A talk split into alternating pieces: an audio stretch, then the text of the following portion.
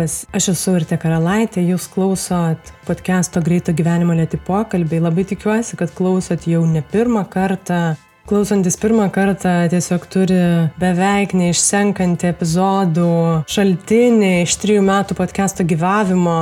O podcast'o pokalbiuose mes su įvairiausiais pašnekovais bandom geriau suprasti žmogų iš skirtingiausių perspektyvų ir jo santyki su aplinka, su kitu žmogumi ir žinoma savimi. Kaip jau girdit, muzika epizoduose vis keičiasi karantino metu. Kiekviename epizode pristatau vis po naują, man įdomų Lietuvos muzikos kurėją ir taip galbūt supažindinsiu ir jūs su kažkokiais tai naujais garsais ir kuriejais. Tuo pačiu kartu su rėmėjai simboliškai ir prisidedam prie vis dar stipriai apriboto muzikos pasaulio kuriejų veiklos. Tikriausiai jaučiat, kad šį kartą mano muzikinis pasirinkimas taip viltingai krypsta šilumos, šokių ir malonių pasisėdėjimų pavėsiuose link. Girdit Luko Pilkausko kūrinį Medžių pavėsį iš ką tik pasirodžiusio jo albumo Sodų dainos. Visą kūrinį išgirsite epizodo pabaigoje arba tiesiog susiraskit Luko muziką audio platformose. Dabar tiesiog toks jau metų laikas, kai kas 10 minučių galima degintis arba maudyti sniege ir po tokio mus visus skirtingai išvarginusio žiemos karantino man Luko muzika skamba taip viltingai, kad aš jos beveik kasdien dabar ir klausau. O šitą epizodą pristato pirmoji Lietuvoje audio knygų platforma audioteka.lt, kurie iš tiesų yra podcast'o palaikytojai jau nuo pat pirmų žingsnių prieš beveik tris metus. Tai čia turiu puikią progą ir mikrofoną priešai save, kad galėčiau padėkoti Aurimui už pasitikėjimą, visokiojopą pagalbą ir tikėjimą podcastų visą šitą laiką. Tuo pačiu mes kaip audio turinio mylėtojai pavasariu ir kelionių ilgesiu paglostyti norim jums rekomenduoti Juozo Gaižausko audio knygą Dievas su šlepetėmis. Tai suprantamas ir jaukus pasakojimas apie autoriaus fizinę ir vidinę kelionę, kupinų iššūkių ir atradimų Santiago de Compostelos keliu. Aš kaip žygių ir klajonių mylėtoja, nors to kelio ir nejau, bet pavasarėjant tik dar labiau noriu tiesiog paskesti miškuose ir kelyje Tai šitą paties autoriaus įgarsintą knygą galite su 30 procentų nuolaida griebti audioteka.lt platformoje arba programėlėje su kodu klausau knygų, kuris galioja savaitę po epizodo išėjimo, tai iki gegužės penktosios. Na, o šiandien kalbame su sociologe Veronika Urbanaitė Barkauskenė, kuri visai plačiai yra jau žinoma kaip tinklaraščio Pterodaktilis ir knygos 90-ųjų vaikai tampa tėvais autorė. Samoningai renkuosi šį kartą tėvystės temas per daug nelysti, kadangi Veronika tikrai daug kur jau apie tai kalbinta ir jai tik įdomu, labai kviečiu pasidomėti, bet kas man labai įdomu ir tas toks Veronikos dvilipumas ir platumas, kad kita jos domėjimosi ir akademinė, netgi tyrinėjimos rytis yra miestas ir grafiti subkultūros vieta jame. Tai apie tokį įvairų miestą mes ir kalbame ir bandom pažiūrėti iš skirtingų perspektyvų. Tai kartu klausiam, kas jį kūrė, kokią vietą jame turi skirtingos socialinės grupės ir ar turi vietą, kaip jos ten veikia, kokios galimos miestų sterilėjimo, tokio švarinimosi pasiekmes Ir galiausiai, ar liko mūsų miestuose erdvės dikinėjimui? Tai apie tai ir leiskime į pokalbį su Veronika. Aš šiandien visą rytą labai jaudinaus, kas labai keista buvo. Ir tada, kai, kai užgriuvo šitie nesklandumai, supratau, kad buvo dėl ko. aš žinok nesijaudinau, bet aš labai sapnavau Aš sapnau, kad mes turim susitikti su tavimi rašyti pokalbio gyvai. Ir mes ieškom vietos ir vis ateina kažkokie žmonės. Ir iš vienos vietos keliamės į kitą ir ieškom ir iš vis tai tapo sapno pabaigoje kažkokiu kaip žygiu tokiu nesibaigiančiu per gamtą ir panašiai. Tai turbūt irgi jaudinausi. Aš iš tiesų jaučiuosi taip aktyviai susipažinusi su tavim besiruoždama pokalbiui, kas man visada yra įdomu, nes per keletą dienų labai intensyviai suvartoju daug informacijos apie žmogų. Mane kas irgi vat, maloniai nustebina ta, žmonėse ta įvairovė būtent. Ir aš tada kažkaip labiausiai gal ir noriu prieiti prie miesto temos su tavim iš įvairių tų pusių. Man pirmas toks klausimas ir pačiai kilo, kas yra miestas ir kaip mes galim, na, nebandyti apibrėžti teisingų atsakymų kažkokiu, bet kaip vat tau, vat tai įvairiai asmenybei, tiek sociologijai, tiek tėvystės temas nagrinėjančiai mamai ir tiesiog žmogui, kas tai yra, Man irgi įdomu buvo pagalvoti, kad tai turbūt ne tik vieta, kas ją kūrė ir ką ji turėtų atnešti galbūt žmogui, duoti, o gal neturėtų, nežinau. Tai va tokių kabliukų užmetu ir, ir prateski.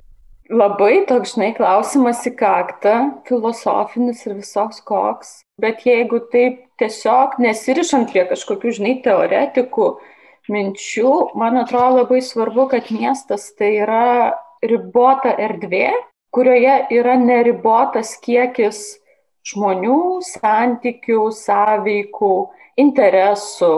Tai yra erdvė, kur tu neišvengiamai susiduri su kitais, kur tu labai labai sunkiai gali atsiriboti nuo kitų žmonių, nuo sąveikų su jais ir tu natūraliai kažkaip išmoksti būti tame, šiek tiek kitokiu tokiame būvyje negu, tarkim, mažame miestelėje.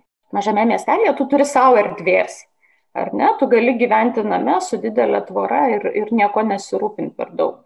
Susitikti su tiek žmonių, kiek tau norisi. Vat didmestyje šitos prabangos nėra. Ir, ir aš, aš tą stebiu Vilniuje, kad vis dėlto žmonės yra prisirišę gana smarkiai prie mažo miestelio idėjos ir jie labai nori išlaikyti tą vat, savo erdvę visiškai atsiribojusią nuo kitų ir, ir tai yra labai sunku padaryti didžiuliame mieste, kur tų žmonių ir sąveikų yra be galo daug ir iš to kyla nepastenkinimas, konfliktai, diskusijos, bet man atrodo, kad tai yra natūralus dalykas didmestyje. Didmestis negali gyventi santarvėje ir taikoje. Didmestis vat, yra toks nuolatinis konkuliuojantis skirtumų ir įvairovės darinys skirtingų žmonių su jų skirtingais poreikiais, kuriuos jie turi suderinti, vat, būdami suspausti vienoje erdvėje. Ir išmokti tuo pačiu metu ir atsiriboti vienas nuo kito netvoromis, bet žvilgsniu ar kitomis veiklomis, na, sugyventi savo mažyčiose burbuluose, savo pasauliuose, kurie yra vieni šalia kitų, bet tuo pačiu metu ir toli. Toli ne erdvėje, bet toli vat, kažkokiuose socialiniuose, mentaliniuose e, sluoksniuose. Man miestas vat, yra apie tai, apie konfliktą ir būtiną sugyvenimą, kuris nėra lengvas, bet jisai yra labai įdomus, labai įdomus, bet žmonės kartais ir pavargsta be abejo nuo to. Čia įdomu, kad tu pameni būtent tą konfliktą kaip neišvengiamybę. Na, konfliktas tai nebūtinai jau pačia e, blogiausia prasme, ne, ne karo ir ne kažkokių tai priešingų stovyklų, bet natūralu visur yra va, tokių kaktomušų, nesutarimų ir tą vat atsiribojimą įdomu, aš pastaruoju metu irgi vis ir su draugais paliečiu kažkokią tai to privatumo saugojimo desperatiško tokią temą kaip užuolaidos nuolat užtrauktos, jeigu gyveni kažkur tai ar pirmam aukšte, ar truputį matomesniai vietoj. Ir, ir aš pati stebiu kaimynus, na, kaip tai beskambėtų. Ir įdomu pamatyti, kad tie įpročiai iš tiesų, kaip tu ir sakai, galbūt mažo miestelio įpročiai, o galbūt tiesiog tokio desperatiško bandymo susikurti tą savo erdvę ir e, kažkokią grėsmę išvelgti tame, kad čia kitas į mano kažkokią erdvę žvilgsniu bent jau įeis. Tai čia jau praktiškai ir psichologinis jau žmogaus būvis prieina.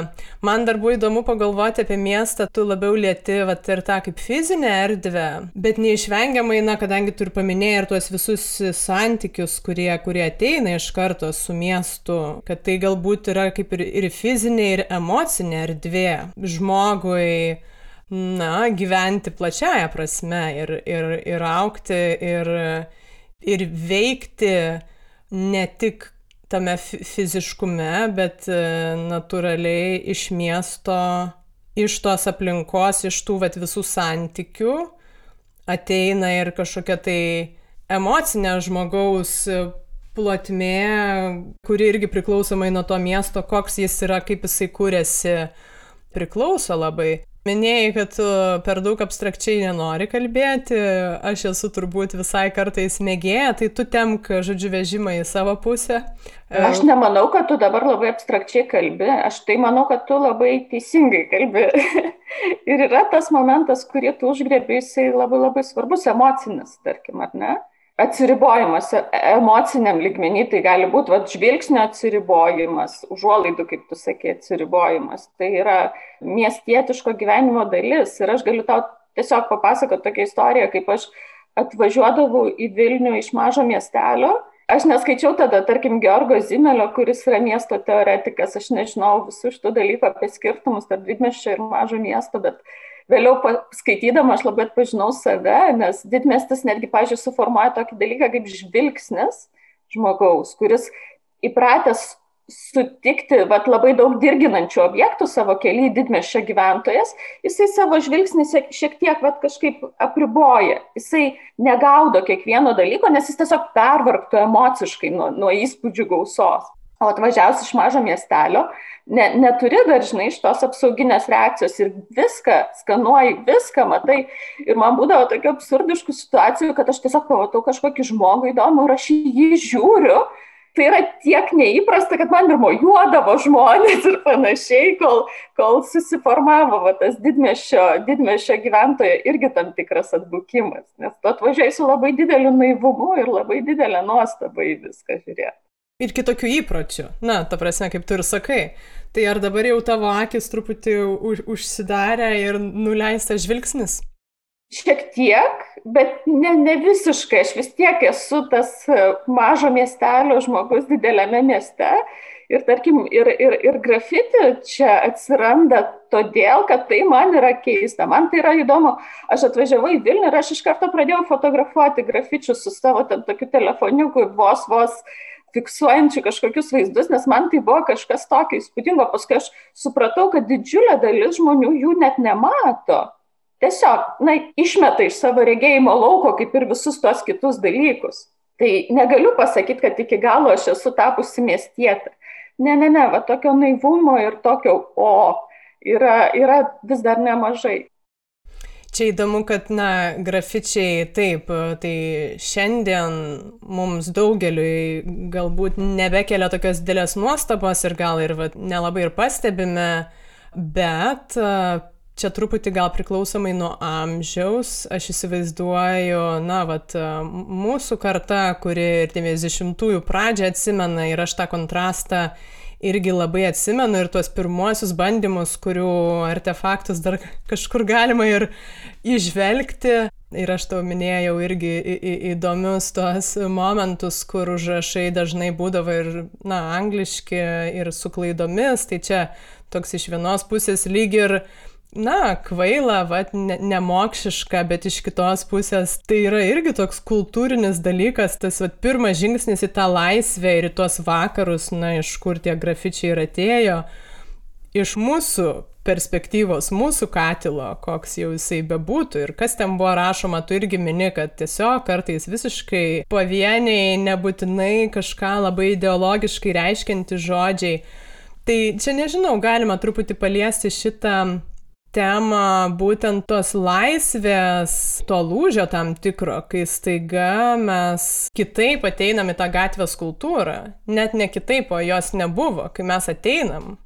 Tai 90-ieji, man atrodo, yra ypatingai įdomus laikotarpis, kada staiga atsiranda kažkokia laisvė veikti, bet tu visiškai nežinai, kaip tą daryti.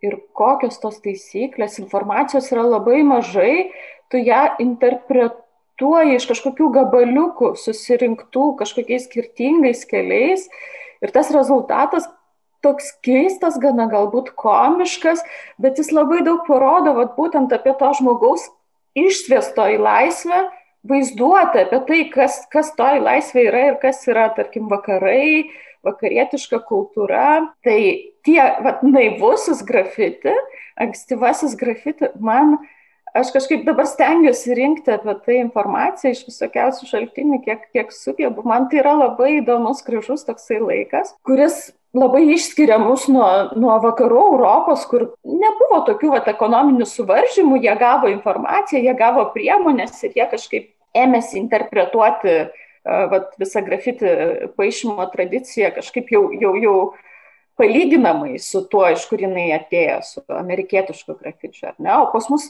va, tas tapsmas, jisai užtruko gal kokius vos ne 11 metų. Labai labai lėtas, labai labai toksai sudėtingas kaupimas, kada ten dažų nebuvo, informacijos nebuvo. Ir, žinai, ir, ir, ir tikrai netgi dabar, pažiūrėjau, žirmūnuose galima vis dar atrasti sieną, kuri išlikusi iš 90-ųjų ir tu matai tokius įspūdingus dalykus, kad žmonės, pažiūrėjau, paaišydavo Coca-Cola skardinės. Chicago Bulls irgi buvo vat, vat, kažkokie tokie laisvės ženklai kurie su, su purškiamais dažais ant sienos būdavo daromi, kaip, kaip įsivaizdavimas, kad galbūt tai yra grafiti. Nežinau, aš nenoriu to viso nurašyti, žinai, kaip irgi nemokšiškumo, nesąmonės, keistenybės, bet kaip tam tikrą paminklą vat, šitam laikui, kuris mūsų formavo. Ir, ir, ir nenoriu jo per daug egzotizuoti, tarkim, 90-ųjų, ar ne, nes labai dažnai yra nuplaukiama tokiu paviršiumi, kad tai buvo toksai kažkoks keistas, egzotiškas, nesuprantamas laikas, juokingas,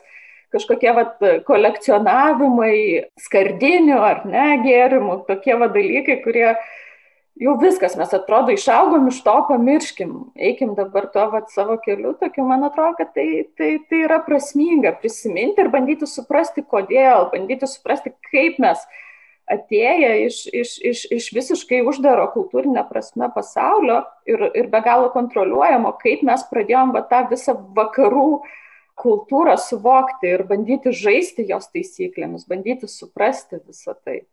Ir grafitis yra vienas, vienas iš aspektų, kaip, kaip tai vyko. Ir jeigu mes pažiūrėtumėm, šiaip iš tiesų labai dar įdomus momentas yra, kad grafitai į Lietuvą tai atėjo ne 90-aisiais, o anksčiau šiek tiek, vis dar vėlyvojo sovietmečio laiku. Bet kartu su visa banga, kai jis atėjo ir į vakarų Europą ir visur kitur. Ir kaip per tuos 15 metų nuo vėlyvųjų 80-ųjų, 2000-aisiais aš galiu sakyti, kad jau mes pradėjom turėti grafiti kultūrą Lietuvoje, Vilniui, didžiuosiuose miestuose, bet jinai nuėjo ilgą kelią, kol, kol atsistojo ant kojų. Taip, aš įsivaizduoju, kad 90-aisiais tiesiog jau truputį pradėjo atsirasti daugiau, daugiau, nežinau, ir medžiagų, ir, ir informacijos, ir, tie, nu, gal paplitimas tuomet uh, didėjo ir be abejo, aš, aš to, kas buvo anksčiau ir neatsimenu, bet uh, noriu tik kažkaip dar paantrinti tau, kad aš iš tiesų va šituos mūsų tikrai unikalius gana, nesakau, kad tik Lietuvoje, bet regiono gal tos kultūrinius uh, artefaktus aš netgi matau kaip unikalius gana. Man čia įdomi tema labai ir aš čia gal tik tai uh, paminėsiu, kad yra net keletas ir, ir tekstų šią temą, ir tavo, ir, ir pokalbis tavo paskutinis palanga Street Radio. Būtent apie šitą labai išsamei, tai man buvo be galo įdomu ir ten gal net rekomenduoju tiem, kuriem bent kiek įdomu atidžiau pažiūrėti, aš vis noriu plačiau užgriepti ir to, ir to. Tai gal norisi tada ir pagalvoti, vad palietus šitos subkultūros e, kampą ir jų tikrai yra daug ir ne tik subkultūrų, bet e, įvairiausių socialinių grupių. Koks miesto santykis su iš skirtingų socialinių grupių ateinančiais žmonėmis ir ne tik socialinių, bet vat, ir subkultūrų, kaip jisai skiriasi, jeigu taip žiūrint į šiandieną. Mm, jeigu mes kalbėtumėm apie Vilnių, tarkim, ar ne, konkretų, koks jis yra, ir kažkokį idealų miestą, koks jis turėtų būti, kur tos grupės kažkaip sukasi šiek tiek savo burbuluose, kurie kažkiek susiduria, kažkiek nesusiduria. Man atrodo, kad idealiajame mieste daugybė skirtingų socialinių grupių, jos turi turėti erdvės būti ir, ir, ir sugyventi. Sakau, nebūtinai santykyje kažkokiame, bet tiesiog jos turėtų būti matomos, turėtų būti atpažįstamos. Ir šiuo atveju Vilniuje, man rodos, mes vis dar šiek tiek lūkštenamės iš tokio perėjimo būvio. Mes dar nesam iki galo tas miestas, kuris yra atviras visoms grupėms, iš kurio dalis žmonių yra, man atrodo, aktyviai arba pasyviai išstumiami šiek tiek netgi. Aš atsimenu, pavyzdžiui, iš viso tokį atvejį, kai man studijuojant Vilniuje atvažiavo manęs aplankyti mano tėvai ir mes vaikščiojomės po miesto centrą ir aš vad būdama su jais aš supratau, kad aš nematau vyresnių žmonių. Tam tikrų metų, tam tikrose miesto erdvėse, miesto centre yra vien tik tai jaunimas, vaikai, paaugliai ir žmonės, tarkim, ten iki, iki 45 kokių metų. Va, tas vat, man buvo labai keista, kad kai kurios grupės lyg tai aš nežinau, ar išstumiamos, ar pačios save išstumia iš, iš, iš vatų va, tokių centrinių erdvių. Nekalbant apie tai, kad tikrai labai skaudus dalykas yra fizinis miesto uh, būvis, kuris yra nesvetingas daliai žmonių. Aš, pažiūrėjau, pati tą patį labai stipriai pajutau patyrusi traumą fizinę, kada man reikėjo judėti mano judėjimui reikėjo specifinio miesto, tarkim, kad jis būtų lygaus paviršiaus be kažkokių laiptų ir panašių dalykų. Aš taiga pamačiau, kad aš negaliu nueiti nei vieną restoraną ar kavinę miesto centre. Ne? Arba tais keletą atvejų, kai aš turėjau naudotis neįgaliojo vežimėliu, aš taiga pajutau, kad netgi gydymo įstaigose, kurios turėtų būti tam absoliučiai pritaikytos, aš negaliu judėti. Ir ne vien dėl fizinės erdvės nedraugiškumo, bet ir dėl žmonių, kad aš, pažiūrėjau, negaliu išsikviesti lifto, nes neįgaliųjų lifte visą tai yra pilna žmonių, kurie yra įgalus ir kurie, kurie neužleidžia tos erdvės. Tai va, tai šitą prasme aš kažkaip labai tikrai pajutau didžiulį skirtumą, kai teko porą metų pagyventi Švedijoje, kur žmonės juda, pat vyresnio amžiaus, tarkim, žmonės su vaikštynėm gali judėti viešu transportu, apskritai miesto erdvėmis, visur kur. Tuo pačiu tai yra ir patogus miestas žmonėms, kurie augina vaikus, naudoja vežimėlius. Ne, tarkim, tikrai neturi kovoti dėl vietos pasaulio, jausti kažkokio pavojaus, kad tu eini siaurų šalygatvių, bet kada ten gali nusiristi nuo jo ir panašiai. Tai va tokios mažos atrodo detalės, jos yra labai svarbios tam, koks miestas yra, koks įvairus miestas yra ar visos grupės yra laukiamos, ar visos grupės fiziškai tiesiog gali jį patekti. Kaip ir sakau, vienos grupės yra atribojamos e, fiziniais erdvės sutvarkymo tam tikrais momentais, kitos grupės atribojamos socialiai, kada tu va, esi vienas vienintelis iš savo socialinės grupės ir tu tiesiog nesijauti laukiamas, tu tiesiog nesijauti jaukiai. Tai va šitie dalykai, šitie dalykai egzistuoja Vilniuje ir man kartais atrodo, kad jis tampa sterilokas socialinė prasme. Šiek tiek, šiek tiek per vienodas, šiek tiek per, per dominuojančiai toks e, šaunus ir jaunas. Ir, ir, ir man bent jau norėtųsi didesnės šią prasme įvairovės. Čia apie šitą aš irgi pagalvojau, besiruoždama pokalbiui ir e, viena iš galimų priežasčių su visai daug pavyzdžių aš matyčiau tokią ir post-soviet traumą ir, ir tam tikrą gėdą to, kuri galbūt skubina mus tapti tobulais ir steriliais. Ir čia gal visai geras pavyzdys būtų, nežinau ar matėjau, prieš daug metų fotografo Imanto Selenio, va irgi buvusio pašnekovo, toks, e, na, skandalingas buvo išsišokimas, kuomet um, jisai berots uh, The Guardian Instagram paskyroje turėjo galimybę, nepamenu, galbūt savaitę dalintis e, savo, savo nuotraukomis ir, ir būtent jo fotografijose yra fiksuojami sovietmečio architektūros objektai, tai ir mūsų daugiabučių rajonų peizažai. Labai įdomu, kad aš visiškai nemačiau to kaip, kaip grėsmės mūsų žodžių identitetui ir, nežinau, gėdos, bet, bet buvo daug viešoje erdvėje diskusijų, žodžiu, kad čia visam pasauliui mus šitaip juodina ir, ir kaip tai yra baisu. Tai čia vienas iš pavyzdžių ir aš jį vis prisimenu. Čia galima ir, nežinau, ir asmeninėse erdvėse pastebėti, kaip staiga po 90-ųjų visų būtai um, troško vakarėti ir atsirado, nežinau, New Yorko vaizdų tapetai ir taip toliau, taip toliau. Tai čia mano toks šaržuotas pastebėjimas, bet žiūrint į miestą, kartais aš irgi pagalvočiau, kad yra tokio nu, labai didelio noro būti tais vakarais ir būti tais tobulais vakarais dalinai iš tos gėdos, kame mes užaugome su tom, bet nusmukusiam pėtkelniam, metaforiškai. Bet žinai, kas yra gėda, šia prasme, tai esam mes, nu mes esam, bet tokie su tom pėtkelniam ir panašiais dalykais. Ir aš irgi pagalvoju, tarkim, aš dabar gyvenu uh, miesto dalyje, kuri buvo prieš kokius 30 metų, vat, kai baigėsi sovietmetis kolektyvinių sodų gyvenvietė. O dabar čia yra tokia chaotiška gyvenvietė, kur yra kokie 70 procentų gyvenamųjų erdvių ir, ir likusios tai yra tie patys kolektyviniai sodai. Uh, neišasfaltuotos gatvės, šalygatvių nėra, niekas neapšviesta ir tokie vat mes esam.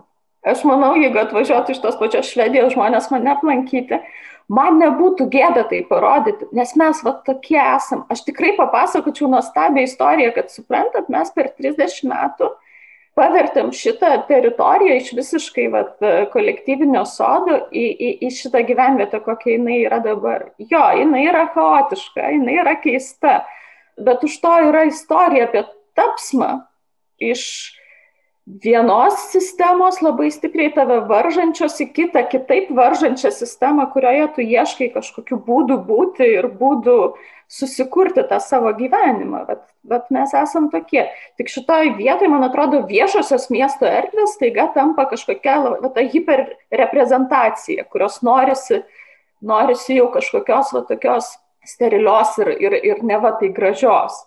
Ką, ką irgi galima pastebėti Vilniuje su tuo didžiuliu noru pakeisti vat, egzistuojančias viešasias erdves, parkus, staiga sutvarkyti į tokius, vat, tarkim, Bernardinų sodo tipo viešasias erdves, kas nėra savaime blogai, tarkime, turėti Bernardinų sodą, bet mano nuomonė, jeigu staiga visos aikštės, visi parkai įgautų va tokio tipo pavydalą, tai jau, tai jau nebūtų į sveikatą miestų. Ir tai nebūtų apie miestiškumą ir apie jo įvairovę. Nes mieste iš tikrųjų turi būti, turi būti visko, turi būti ir, ir apšniukštų parkelių, ir kažkokių visiškai paprastų vietų. Ir va, tas va, erdvės sterilizavimo noras dabartinis Vilniuje siaučiantis, man rodos, jo, turbūt, turbūt turi sąsajų su, su tavo tą minimą tokia trauma ir nor, noru reprezentuotis kaip įmanoma gražiau. Gerai, o kodėl negerai sterilizuoti viską? Kodėl va, tokie tvarkingi parkeliai, kur nesimėto, nežinau, nei šiukšlės, nei akmenukai, kur vaikai galėtų gingdė susižeisti? Kas negerai su tuo? Aš negaliu pasakyti, kas objektyviai negerai, ar ne, nes yra visuomenės grupių, kuriams viskas gerai ir viskas faina ir jiems va, toks estetikos tipas yra malonus. Uh, Galbūt negerai yra tai, kad iš erdvių išstumiamos kitos grupės, tarkime, reformatų parkas, ar ne, jisai dabar yra uždarytas ir rekonstruojamas, jis buvo nepaprastai populiarus tarp jaunų žmonių, tarp subkultūrų, tarp paauglių. Jis toksai keistas su tom savo piramidėm, jeigu atsimeni, buvo jos. Dabar jau yra nuardytos, jo turbūt laukia va, tas Bernardinų sodo likimas, kas reiškia, kad į šią vietą pradės ateiti šeimos su mažais vaikais, jauni tvarkingi žmonės. Ir tai, tai nėra savaime kažkokia tragedija ir, ir blogybė. Esmė yra ta, kad jaunimas, paaugliai, subkultūros, na, va, staiga neteko vienos iš šių erdvių. Ir jie netenka erdvių pamažu praktiškai visų, kuriuose rinkdavosi. Ar ne? Žemaitės parkelis, tarkim, jisai buvo toksai, toksai keistas, tokiame medžių pavėsyje, kur irgi rinkdavosi jauni žmonės, pabūti šiek tiek centre, bet tuo pačiu metu ir atskirti. Dabar jisai yra jaunų, jaunų šeimų erdvė, su supinėm, su, su šviesa atverta ir panašiai. Tiesiog miestas keičiasi šią prasme ir iš miesto centro per va, tokius visokiausius projektus yra išstumiama po truputėlį įvairovė, kas, man atrodo, miestui šiek tiek nuima spalvų. Ir, ir tuo pačiu miestiškumo, va, tas e, noras jį paversti tokiu va, steriliu ir, ir, ir estetišku. Nes tada irgi įdomu pagalvoti, kur, kur traukiasi tos, tos kitos grupės, kurios išstumiamos yra. Tai jos vis tiek egzistuoja, jos vis tiek nori burtis. Uh, Ar mes tuomet e, nusprendžiame, kad miesto centras jau, jau tikrai būtinai turi būti tobulas ir sterilus ir jokių čia grafičių ir peržengus kažkokią ribą jau ten vyksta nebe taip e, kontroliuojami dalykai, Nors mikrorajonuose lygiai taip pat e, dabar ir žaliųjų salelių, ar kaip jos besivadintų, injekcijos irgi siekia to paties. Tik tai be abejo, miesto centras, na, jau yra prioritetų prioritetas, na, man komiškai skamba, nes čia atvažiuoja užsieniečiai. Ta prasme, iš principo tai taip, nes čia atvažiuoja miesto svečiai ir garbus visokie užsienio ten svečiai ir delegacijos ir vėlgi, gingdievė, jie pamatys, kaip mes gėdingai, nežinau, grafičius kažkokius ant sienų ar vat, jaunimas susėdęs ant laiptų. Tai be abejo, aš čia šaržuoju, bet galvojant apie tas vat, subkultūrų ar jaunimo grupės, kurios iš miesto centro uh, išstumiamos ir tas pats barbakanas, kur aš paauglystę irgi leidau, nepanašu, kad ten dar gyvybės turėtų ir galbūt jau nebežinau nei vienos vietos, kurios būtų, kas, kas vyksta tuomet. Ir čia mes galvojame apie tą patį jaunimą, kuris, na, paauglystė yra tas unikalus laikas, kur kur iš tiesų norisi to ryšio ir ieškoti, kaip tas ryšys ir visuomenės ryšys su jaunimu galėtų atsirasti, bet tuo pačiu bandymų tą ryšį kurti lyg ir nėra. Žinai, gal aš čia labai taip pasakysiu stipriai, čia reikėtų tyrimą daryti atskirą sociologinį ir, ir pagrysti, gal tebūnėtai hipotezė, bet iš to, ką aš stebiu, aš matau, kad va, ta jaunimo socializacija, paauglių buvimas kartu, kurį va, mes su tavim dar patyrėm fizinę formą, kad tu nu, šlaistaisi. Ir tas šlaistimas jis yra be galo prasmingas mano nuomonė. Tame, kaip tu išmoksti bendrauti su žmonėm, kaip tu va, pažįsti miestą ir tampi po truputėlį suaugusiu žmogum, vad fizinė prasme, man rodos, dabar labai didelė dalis šito proceso yra tiesiog persikelus į Instagramą, į, į, į kitus socialinius tinklus.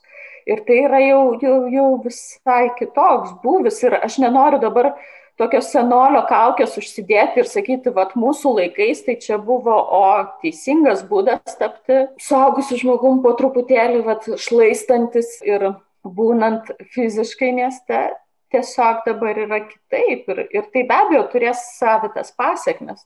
Ir tai, kad miestas keičiasi, kad jisai išstuminėja vat, e, žmonės iš, iš savo kūno, bent jau centrinių dalių, irgi prisideda prie šito proceso. Miestas keičiasi ir tas miesto kismas programuoja ateinantį kismą, naujų kartų kismą, kurios jau kažkaip visai kitaip save turbūt išreiškinės kitokiose erdvėse. Ir, ir, ir ilgainiui, žinai, tas miesto sterilizavimas, man rodos, jis ne, ne, neprisideda tiesiog prie gyvybės Ir tokiuose didmeščiuose, koks Vilnius dar kol kas nėra, na, galėtumėm pasimokyti ir iš blogųjų pavyzdžių. Tarkim, šiuo atveju e, vienas paskutinių prieš pandemiją aplankytų miestų mano buvo viena. Ten didžioji dalis centrinės miesto dalies, senamešio, jis yra tiesiog turistų žaisliukas. Iš esmės ten va tokio didelio judėjimo, didelio gyvenimo vietinių žmonių jo beveik nevyksta. Jis yra atiduotas nuomai, jis yra atiduotas turistiniam atrakcijom ir, ir, ir tiesiog muziejifikuotas tam tikrą prasme. Tai vad su Vilniu, man rodos, visą tai vyksta po truputėlį, po truputėlį, bet einame, einame tą linkmę. Panašu, kad tikslas toks. Jau čia klausimas, kaip, kaip tie procesai vyks, bet e, vien, vien turint tokią viziją priekyje, na, sunku tuomet e, kurti kažkokį kitą scenarijų.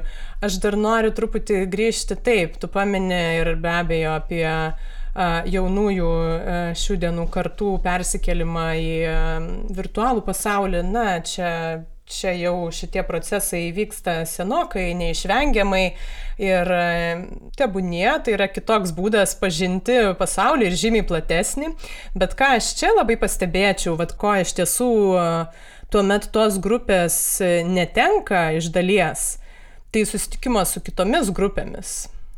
Nes mieste man ką ir vat, svarbu, na, tu irgi palėti to ir norisi, kad tai būtų erdvės, kur skirtingos grupės galėtų bent jau viena kitą pamatyti, kad tai egzistuoja, kad tas pats jaunimas galėtų pamatyti įvairias kitas grupės ir, nežinau, ir lygiai tuos pačius ir seniorų, nežinau, sėdinčių, kavutę geriančių ir, ir, ir taip toliau.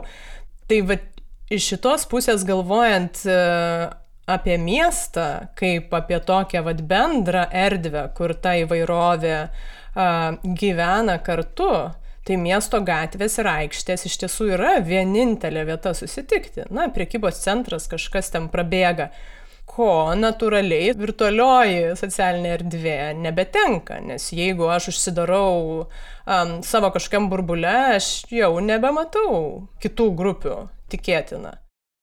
Ir miesto erdvė po truputėlį panašėja su, su socialiniu tinklu erdvėm šitą prasme.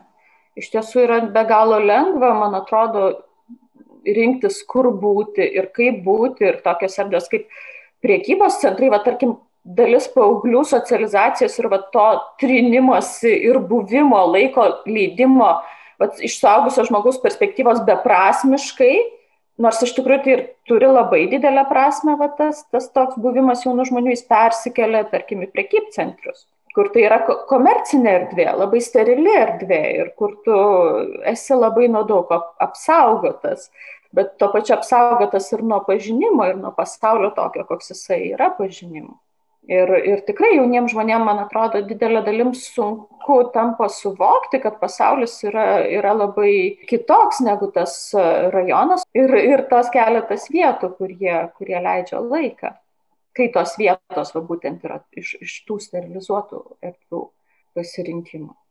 Noriu grįžti prie to vaiko ir miesto santykio ir tyrinėjimo, pažinimo, augimo erdvės. Tai sutinku, gal labai nostalgiškai ir senoliškai nesinori skambėti, bet iš kitos pusės Mes dabar, ką matome, na, viešose erdvėse be abejo irgi yra savivaldybių prioritetas sukurti tas erdves šeimoms, vaikams ir negaliu pykti, jos yra nuostabios, na, mes galim paliūdėti, kad mūsų laikais tokių nebuvo, bet tuo pačiu jos yra nuspėjamos, dažniausiu atveju jos yra dažnai vienodos na, viskas tvarkoja, yra ten keletas skirtingų uh, užsiemimų, um, kažkokių tai siūlančių pramogų, jos yra maksimaliai saugios, čia taip kaip aš matau, bet irgi prisiminiau, jau nebe visai mano laikais turbūt, bet mama pasakojo, kad va čia Vingio parke, kur buvo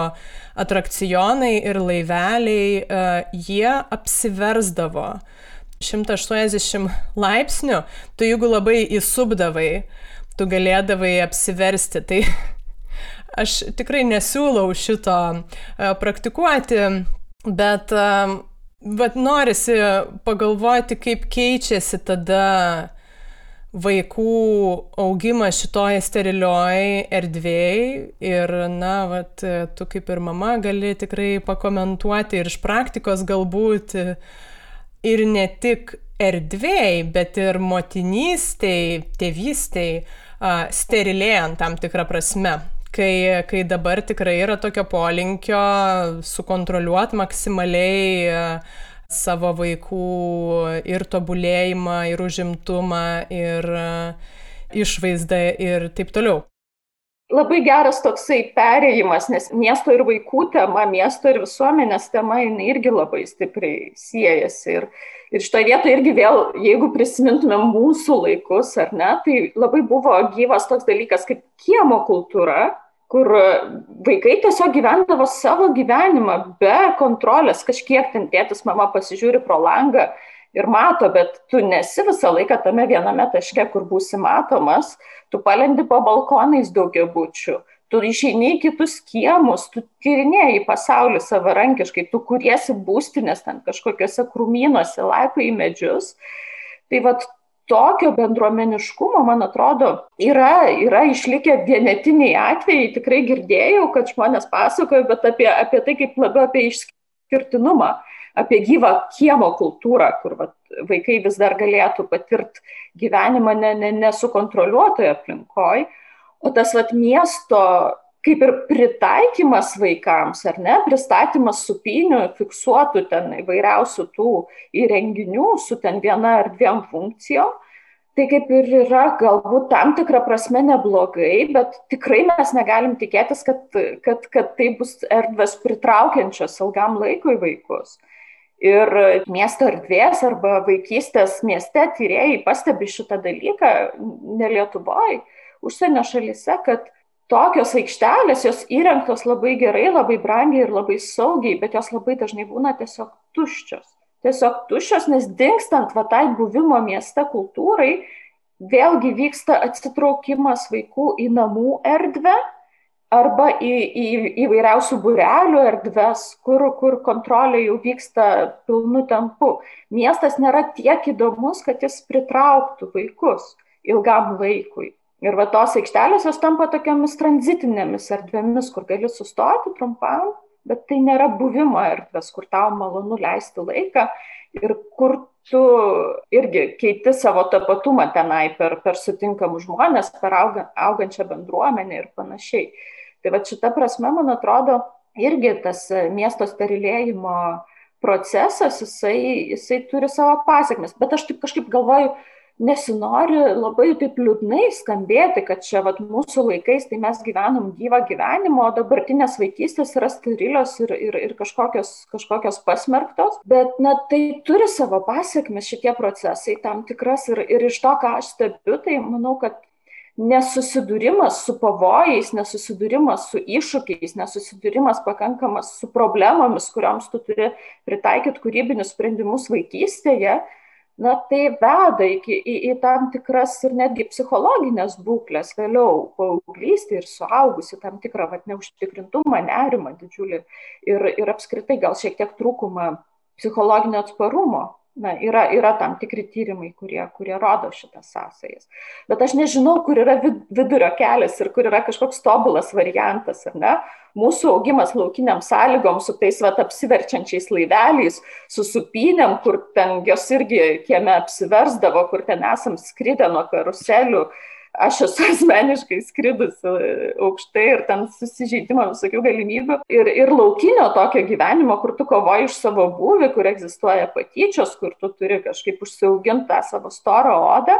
Irgi tai nebuvo, man atrodo, tobulas kažkoks variantas, ar ne? Tai tiesiog kiekviena, kiekviena vaikų karta susiduria su skirtingais iššūkiais ir, ir juos turi išmokti E, nugalėti. Tiesiog dabartiniams vaikams tie iššūkiai vat, yra tokie per didelis saugumas, per didelė kontrolė, per didelis uh, užglobojimas ir, ir, ir, ir, ir jų tikslas yra kažkaip iš viso vat, šito išsivaduoti. Tuo pačiu turbūt tikrai galima pastebėti tendenciją įvairių mokymo praktikų ir Waldorfo, ir Montessori, ir galų gale ir tas pats lauko darželis E, populiarėjimą, kas būtent grįžta prie vaiko savarankiškumo, stiprinimo, kažkokių tai atsakomybių, sprendimų, na, lauko darželis, kitų visų įmanomų ekstremalybių fizinių, kur net man akis ant kaktos kartais būna, kai vaikai žiemą, nežinau, voliojasi purvuose visą dieną, bet tai reiškia, kad tėvai samoningai jau žengia šitos žingsnius, ieškodami tokių vietų, kas iš principo yra tai, kame mes augom natūraliai. Tai kaip ir tos vertybės ir to poreikis e, tarsi niekur nedingsta. Nedingsta, bet jis yra, žinai, pakankamai nišinis, man atrodo. Augantis galbūt, bet tai yra irgi tai, kaip tam tikra nauja mada. Žinai, toks keistas dalykas, naujai atrastas kaip ir pasaulis, kuris yra šiaip tai labai toksai natūralus ir, ir, ir turintis tą savo savo šaknis be galo paprastose dalykuose. Tai vat mes, mes iš to savo patogumo pradedam ieškoti e, iššūkių tikram paprastam, nesukurtam, ne, ne nesukontroliuotam pasauliui. Bet iš tiesų be galo daugeliu žmonių vis dėlto yra tai svetima. Ir aš pati, kai savo blogę rašau apie purvą ir apie, apie savo patirtis, tarkim, vaikų Švedijoje darželėje, kuris nebuvo lauko ypatingas darželis, tiesiog vienas iš daugelio paprastų darželių, kad jie purvo balose prausėsi kiekvieną dieną ir, ir iš to gauna be galo daug džiaugsmo. Aš sulaukiu labai įvairių reakcijų. Tikrai, tikrai tai nėra vienprasmiškai priimama kaip pozityvus dalykas. Ta prasme, tikrai daliai, daliai žmonių tai yra kultūrinis šokas patirti šitą, šitą naują madą jo, aš, aš vis dėlto manyčiau, kad tai dar, dar yra niša, galbūt mes po truputėlį einam link to e, kažkokiam masiškesniam pavydelėm. Taip, reikia pereiti tą etapą su kontroliavimo ir sterilumo turbūt, kad, kad įvertintume ir grįžtume prie jau tokių vėlgi struktūrizuotų, na, kad ir lauko darželis, tai vis tiek yra kažkokios aiškios erdvės, yra aiškus skaičius prižiūrėtojų, kurie akilai tave stebi, Be abejo, aš pati nesu lauko darželio auklėtinė, tai čia tik tai bendrai įsivaizduoju, bet e, kiek girdžiu iš e, pažįstamų tėvų ir pačių vaikų, tai ten yra fantastika. Be abejo, čia nesinori tik tai kreipti į tą pusę, žinai, kad, kad e, tai privaloma tarsi, nors mano šeimoje tikrai bus privaloma. Jokauju. Tikriausiai, kad yra daugybė kitų veiklų, nežinau, dabar kilo mintis ir apie maisto gaminimą, Nebūtina purve valiotis, be abejo, tiesiog to tokio kažkaip hands-on, man atrodo, tas vat, labai uh, svarbu ir kiek aš susiduriu su vaikais, tai kartais vaikas net nustemba gavęs tiek atsakomybės, kaip nežinau, pagaminti kažkokį patiekalą ar supjaustyti morkas, kad galima duoti peilį į rankas. Man įdomu dar pagalvoti apie tą vienodumą įvairiose plotmėse, tada miesto vienodumą, nuspėjamumą ir kaip tai galbūt veikia žmogų ir visuomenę emociškai. Kai mes vėlgi kalbam apie tą mūsų bendrą buvimą, bendradarbiavimą tam tikrą mieste, sugyventinių sugyvenimą ir kaip vat, tavo kasdienybės tas ir sterilumas, ir vienodumas gali veikti. Žinai, man atrodo, žmonių gyvenimas ir sugyvenimas jis to yra įdomus, kad vat, jį irgi kaip ir vaikus labai sunku sukontroliuoti. Ir kai mes turim sterilų miestą iš vienos pusės, mes turim būtinai ir pasipriešinimą tam sterilumui iš kitos pusės. Ir čia atsiranda va ta miesto kultūra ir tie žmonės, kurie siekia gyvybės ir nesterilumo. Ir, ir dėl to kiekvienas didmestis jisai jame kūrėsi va, iš apačių, iš natūralaus poreikio miesto kultūra.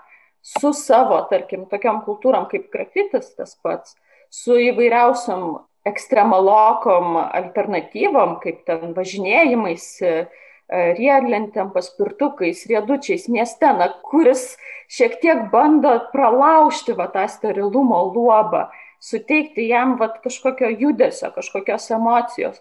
Parkūras, tarkim, ar ne, irgi tokia veikla, kuri ten, kur yra ribos, ten, kur yra sienos, jinai, jinai kūrė iš to kažkokias galimybės naujas. Tai va, tai man atrodo, šita prasme miesto sterilumas ne tik tai slopina žmonės, ne tik tai juos vienodina, bet jis veikia ir kaip iššūkis. Ir šita prasme, man, vat, aš skaitydama, tarkim, sociologų, miesto sociologų darbus, kurie taip pesimistiškai kalba, kad štai vyksta gentrifikacija, miestai keičiasi, miestai sterilėja, grupės yra išstumiamos. Aš viena vertus be abejo e, pripažįstu tai, bet kita vertus aš matau miestą kaip neišvengiamai gyvą organizmą, na, kurio tu negali taip iš viršaus sterilizuoti, dėl to miestas ir yra miestas, kad jame visada auga kažkoks prieš priešą tokiom įvairiausiam praktikom. Ir šita prasme grafitis, tarkime, jis vis tiek egzistuoja laisvose miestuose, jeigu tai nėra kažkokia Šiaurės Koreja, ar ne, kur užgneuštas bet koks judėjimas ir laisva mintis, grafitis bus. Klausimas, kur jisai bus, ar ne? Jau, jį gali išstumti iš, iš miesto centro, bet tu negali išstumti visiškai. Ir šią prasme man tikrai įdomu stebėti Vilnių ir nededant kažkokių etikečių, kad staiga va, viskas eina blogyn ir čia verėsi kažkokia praraja ir miestas praranda savo miestiškumą nes auga, plečiasi kažkokios priestatą kuriančios bendruomenės, subkultūros, kurios, man atrodo, neišvengiamai yra reikalingos ir kurių dalies mes net nepažįstam ir dar net nežinom, nes jos dar tik tai formuojasi tai pavyzdžiui kad ką daro visiškai jauni žmonės paaugliai kurie sulindę į internetą aš manau kad tai irgi turi kažkokį labai didelį kūrybinį potencialą kuris išsireikš tokiom formom kurių mes dar net negalim numatyti turbūt. Tai sakau sterilus miestas nėra vien tiktai tiktai apie sterilumą. Aš aš kažkaip noriu irgi priminti tą aspektą kad kad miestas yra kūrybinė energija be galo didelė kiekvieną akimirką Čia įdomu, tai, ką tu sakai, na, vat, kad kažkokie tai apribojimai, kažkokie tai rėmai tarsi skatina tave tuose rėmuose ieškoti tada galimybių iki tam tikro taško galbūt. Ne, aš nesakau, kad įmanoma užgneušti miestą visiškai, bet nuolatinis e, sterilizavimas ir skalpavimas ir, na, pavyzdžiui, ta pati, tu paminėjai ir, ir paspirtukus, ir riedlentininkus, kurie ieško kampų ir bordiūrų savo triukams e, atlikti ir jie nuolat susiduria su priešiškumu. Tai ar tai kažkokių tai institucijų, ar, ar tiesiog kaimynų, be abejo, kažkokios ribos tave skatina ieškoti būdų išeiti už jų, bet e, natūralu, kad jeigu nei kiek ta riba neišsijudina, tu kažkur galbūt jau vėlgi bėgsi tolyn nuo to paties centro, nuo tų vat, taip baisiai prižiūrimų erdvių ir, ir taip toliau. Tai taip, aš čia irgi dabar pati taip truputį jaučiu, kad nesinori irgi taip pesimistiškai nuskambėti, gal ir tau pačiai, va dabar kils minčių pažiūrėti kažkokius pozityvius pavyzdžius, nes man, pavyzdžiui, labai jau seniai yra įstrigęs katedros aikštės pavyzdys, kur aš matau įvairių grupių susijungimą. Kažkas sėdiniuoja, šnekučiuojasi, geria kavą, ten saulėta ilgai, ten beje yra tas akmuo, iš ko yra ir tie bortai, ir grindinys, jisai iššyla per dieną, tai vakare dar maloniau ant jo būti, ten ir visi skeiteriai ir jau pažengę ir jaunimėlis ateina su vaikais, nežinau, ir, ir aitvarus, ir, žodžiu, visko aš ten esu mačius. Tai, tai vat, mano akimis tai yra vienas iš tų pavyzdžių, jeigu būtent Vilniui, kur erdvė veikia plačiai. Nors vėlgi, kuo jinai ypatinga, klausimas, jinai tiesiog priima. Ir jinai gana neutrali. Tai čia kaip tu matytum ir kokie, kokie galbūt tau vat, pozityvūs pavyzdžiai aplink mus? Man atrodo, yra labai svarbu turėti erdvių, kurios neprimeta kažkokių konkrečių veiklų scenarijų. Ir šituo atveju tai yra tai, yra tai kaip katedros aikštė, taip ir, tarkime, prie Baltojo tilto, ta didžiulė žalia pieva, aš nežinau, ten man atrodo, kažkas su jie šiuo metu yra daroma. Tai man labai visada baisu, kad tik nesugadintų veikiančios paprastos viešosios erdvės, kuri gali būti interpretuojama tūkstančių skirtingų būdų, ar ne? O jeigu tenai staiga atsiras kažkokie erdvės važinėtis, tam visom miesto priemonėm ir taip toliau, na tai dalis žmonių, kurie naudojasi tą erdvę, turbūt iš jos atsitrauks ir ieškos naujų vietų. Bet jo, man atrodo, Vilnius, Vilnius vis dar rezistuoja irgi tam tam bandymui kažkaip jį aptverti ir, ir, ir suteikti kažkokias apibrieštas interpretacijos formas. Ir man visada Vilniaus gyvybės toks kaip simbolis, tai yra krišnaitai, kuriuos tu gali sutikti tom pačiom dienom, tom pačiom valandom. Ir kol aš juos girdžiu, kol aš juos matau, tol man Vilnius yra gyvas, cirkuliuojantis, va, tas organizmas, ne? nes tai yra toksai va, miesto ritualas kurį apšoka, apdainuoja ir spalvom ap, ap, apdalina šitie žmonės, tai kol jie su mumis yra, tol viskas yra gerai iš esmės. Bet iš tiesų, nors mes čia susitarėm kažkaip negatyviai nekalbėti, tų negatyvių pavyzdžių su viešom erdvėm, vis dėlto turbūt, man atrodo, Vilniuje yra šiek tiek daugiau, tokių kaip, tarkime, Rotušės aikštė, ne, kuri buvo sutvarkyta ir iš esmės išvalyta nuo žmonių ir nuo veiklų.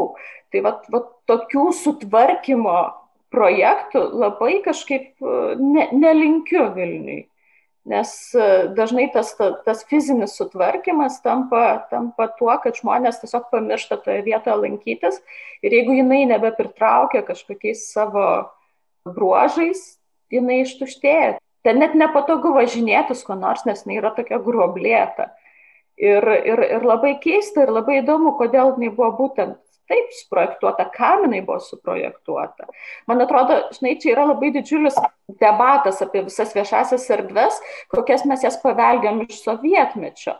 Kad tai buvo didelės plokščios viešos erdvės, kurios suprojektuotos tiesiog proginiams susitikimams per kažkokias va, tas e, valstybinės šventes susirinkti, pabūti, paminėti ir viskas. Jos ne, ne, nebuvo suprojektuotos naudojimui.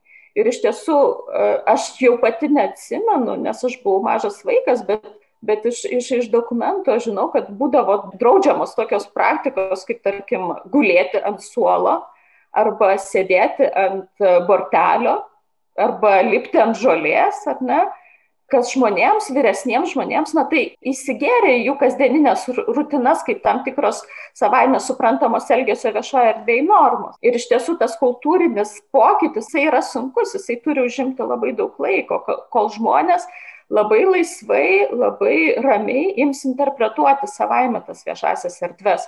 Ir netgi tas, kurios nėra ypatingai patogios. Nes dabar mes galim apgyvendinti viešasias erdves, kurios yra specifinės, kurios yra patogios bet tos, kurios turi kažkokių va tokių iššūkių, jos, jos taip ir lieka vienišos ir apleistos tam tikrą prasme, nors tikrai miestas, man rodos, nuo to labai, labai nukenčia ir jo gyvybė labai nukenčia.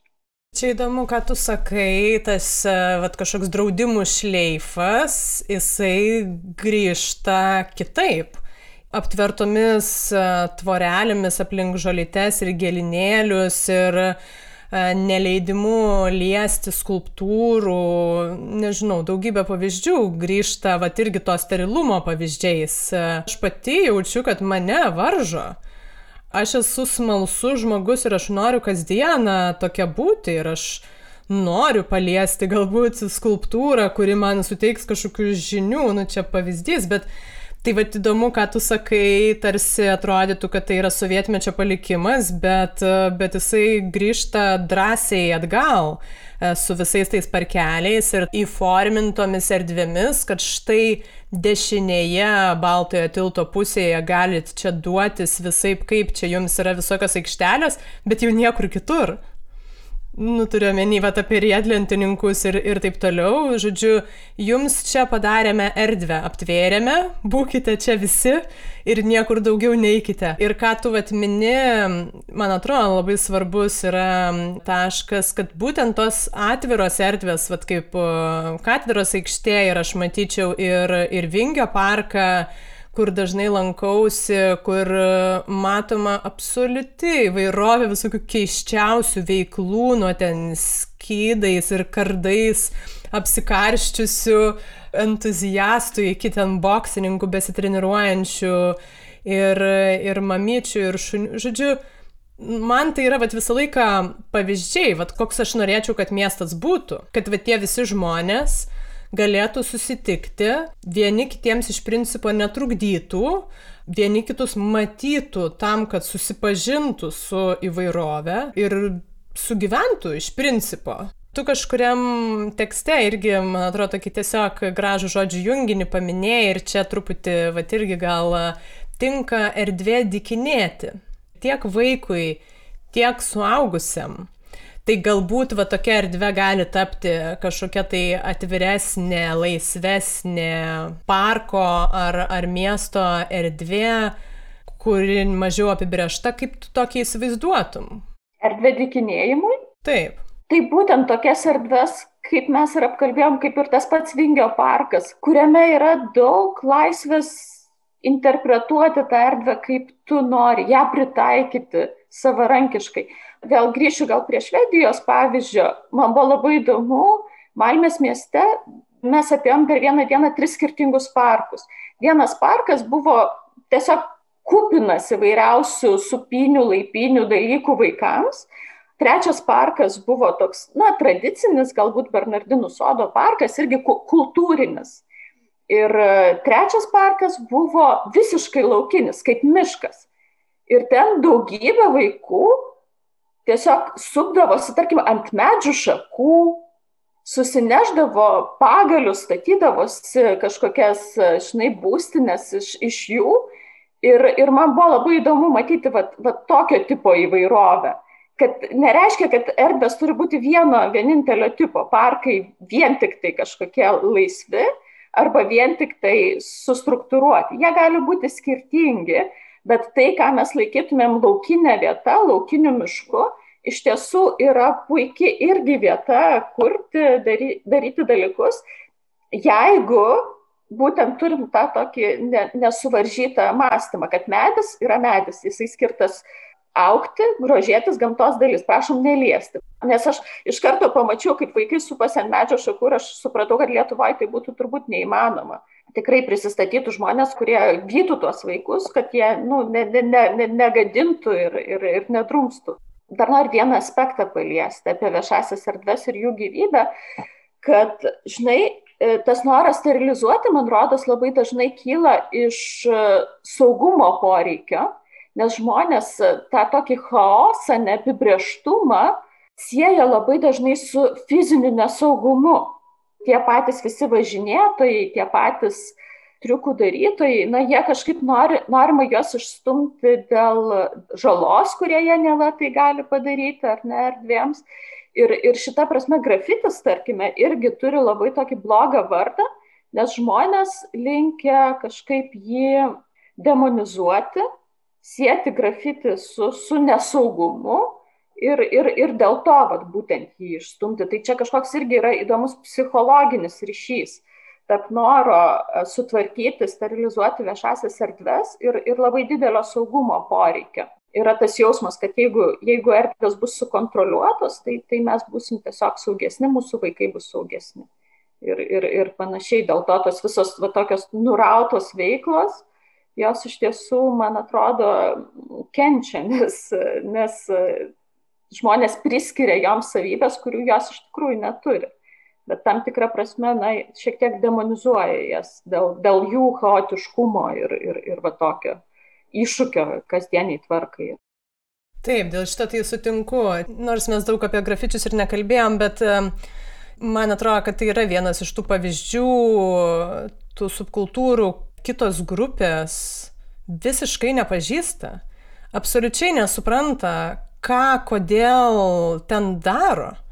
Ir tada natūraliai, na, tas demonizavimas įvairiais lygmenimis, tai be abejo, pradėkim nuo teplionių, terlionių ir inventoriaus gadinimo iki, iki to, kad tai yra pavojingas jaunimas ir, nežinau, visos kitos etiketės, narkomanai turbūt irgi ir taip toliau kas e, pažiūrėjus iš tiesų į tą bendruomenę, ar susipažinus, ar bent jau, nežinau, istoriją paskaičius e, toli nuo tiesos, tai, tai čia tiesiog vienas iš pavyzdžių, kaip tos socialinės grupės nesusidurdamos viena su kita, nebūtinai tiesiogiai, bet tie barjerai tarp tų grupių sukuria, nu, va, tą ne, nesusipratimą daugeliu atžvilgių. Tai čia viena pusė apie tą saugumą, ką tu sakai, čia jau bus įdomu ir kokius e, psichologus pakalbinti apie tai, kad to tokio galbūt net augančio saugumo poreikis e,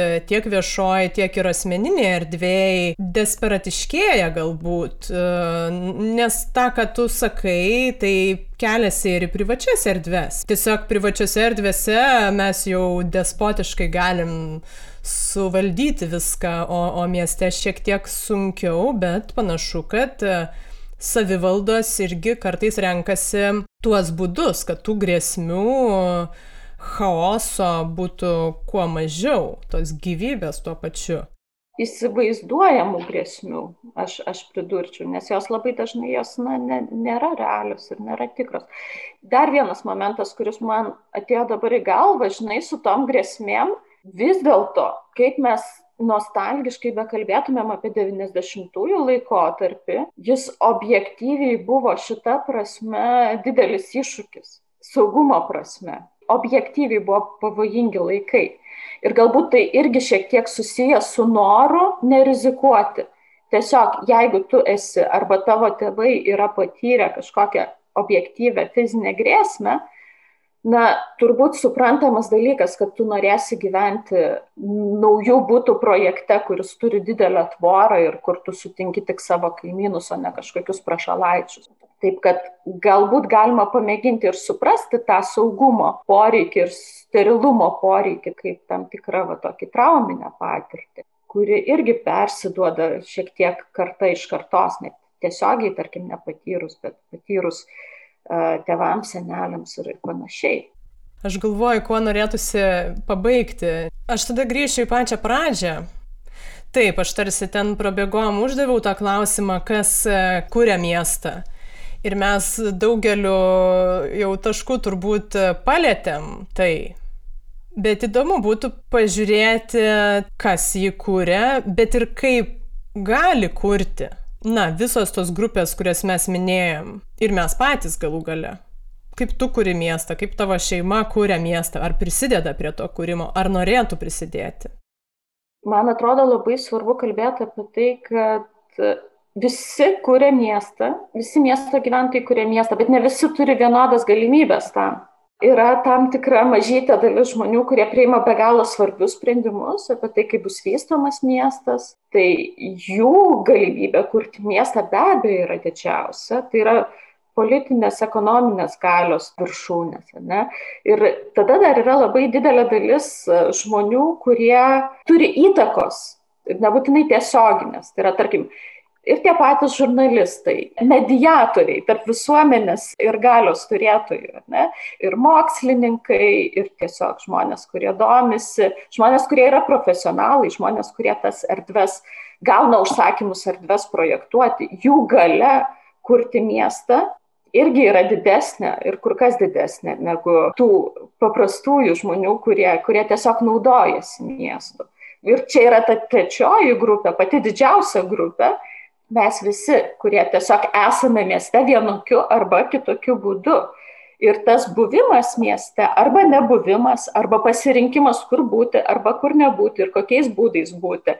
Tai irgi yra labai labai stipri galia kurti miestą, bet mes ją tada kuriam per savo e, masę. Mes kiekvienas e, mažas žmogus turim labai mažai individualios galios, bet vat mūsų masės tą galę akumuliuoja ir mes patys paverčiam vienas erdves arba gyvomis, arba, arba mažiau gyvomis. Tai tas atsakymas ir būtų toks, kad visi po truputėlį kuria miestą, bet kažkaip reikėtų stengtis, kad e, žmonės, kurie turi didesnę galę, galbūt e, turėtų platesnį vaizdą apie, apie miestą kaip po įvairovės tam tikrą telkinį. Ir, ir, ir jie tikrai turi didelę galę sterilizuoti arba nesterilizuoti miesto. Ir mes galėtumėm kažkaip, turėdami po mažą galios gabalėlį, bet, bet daug tų gabalėlių pasiūstą žinutę, jeigu mums tai atrodytų svarbi informacija, kad klausykit, na, palikim mūsų miesto dalį šiek tiek labiau laukinę ir, ir, ir šiek tiek mažiau prijaukintą ir suškuotą ir palikime erdvės šiek tiek ir chaosui, kuris, man atrodo, yra be galo, be galo reikalingas. Aš labai pritariu, labai liūdna, kad pastaruoju metu kiek tų tokių oficialių dialogų tarp, tarp tų galio turinčių ir va tų bendruomenių matom pavyzdžių, kad e, nelabai kas e, klauso. Tai taip, norisi, kad nenustotume kalbėti apie tai ir, ir na, toliau reikalautume turbūt, kad mūsų būtų klausomasi ir kad tai yra ir mūsų erdvės. Ir čia tuo pat metu gal svarbu irgi paminėti, va tu dabar irgi pakalbėjai labiau apie fizinę tą erdvę. Ir kad būtent miesto planavime urbanistikoje dirba iš tiesų tų sričių žmonės ir vat klausimas, kiek yra įtraukiami sociologai, nežinau, net ir psichologai į, į tų erdvių uh, formavimą, nes tuomet mes ir rezultate mes ir matom tik tai fizinės kažkokias išraiškas, kurios, na, jau ten skonio reikalas gražu, negražu, bet, bet tai yra taip vienpusiškai žiūrima. Tai gal tada dar, jeigu pridurtum, kaip tu pati, nežinau, ar prie tos fizinės ar emocinės miesto erdvės kūrimo prisidedi ar nori prisidėti? Aš kol kas e, jaučiuosi gal labiau iš tų mažųjų žmonių su savo labai menka gale, tai aš stengiuosi, nu, apart to, kad kartais bei tą parašau apie, apie miestą, bet tiesiog juo naudotis, kiek įmanoma. Ir naudotis su savo vat, mažai žmonėmis, kiek galiu, tiek, tiek būti mieste ir apgyvendinti uh, savimi ir, ir, ir, ir jais miestą ir kiek galiu vat, skelbti, gal šiek tiek nešti tą žinią, kad e, žiūrėkit, mes galim dalykus padaryti labiau ir mažiau komplikuotus. Ir nepamirškim, koks be galo svarbus dalykas yra dikinėjimas. Be galo. Ir ne tik dikinėjimas e, telefone, bet ir dikinėjimas mieste. Jis labai prasmingas dalykas. Šiais laikais tu turi pagrysti savo teisę padikinėti. Ir net vaikams jau ją reikia pagrysti, paaugliams ją reikia pagrysti ir saugusiems taip pat, nors tai yra gyvybinis poreikis, mano nuomonė. Aš labai pritariu. Prateskim, kada tuo atsidarys viskas plačiau. Vasara bus piknikai, pabandysim formuoti tas um, atviras tokias erdves dikinėjimui kartu. Tai čia kažkaip norisi visus pakviesti, kad uh, netiduokim visko į kitų rankas, čia ir mūsų didelė dalis, man atrodo, yra. Iš tiesų įdomu, kad va kiek čia 70 epizodų podcastų ir aš pirmą kartą plačiau e, kalbu apie vat, miestą ir erdves, nors tai visada buvo mano didelė tema ir panašu, kad ateina jau dabar laikas ir visokiem architektam ruoškitės. Oi, kaip įdomu, labai lauksiu šitų pokalbių.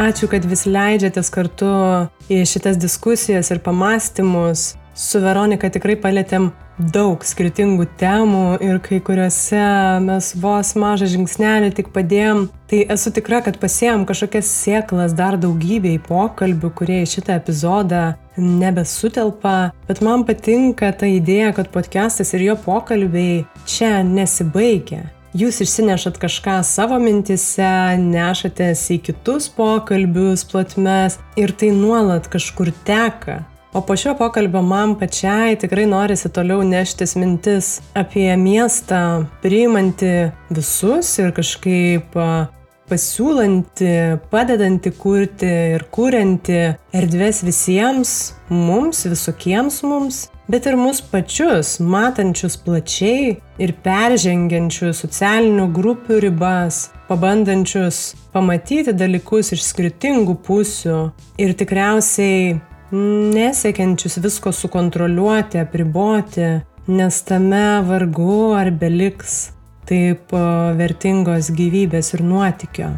šituos reguliarius, tokius kolektyvinius pamastymus ir jau beveik tris metus trunkančius nemokamus pokalbius mums dovanoja podcast'o draugai ir rėmėjai. Podcast'o kūrimą dalinai finansuoja spaudos, radio ir televizijos rėmimo fondas ir Žygimantas Kvarčevskis. Podcast'o draugai Vilniaus universiteto radio stotis Start FM, portalas 15 minučių ir daugybė jūsų prisidedančių Patreon platformai. Jei norit prie pokalbių kūrimo, gyvavimo ir tasos simboliškai prisidėti ir jūs, tai galit padaryti patreon.com pasvirasis brūkšnys lėti pokalbiai. Podcastų pokalbių kolekcija, kurioje jau beveik 70 epizodų rasit Spotify, iTunes 15 min klausyk ir kitose programėlėse bei karalaitė.com pasvirasis brūkšnys podcastas. Primenu, kad epizodai išeina kas antrą trečiadienį, bet jau tikrai nepraleisite, jeigu seksit podcastą Instagram ir Facebook paskyrose arba tiesiog prenumeruosit audio platformose.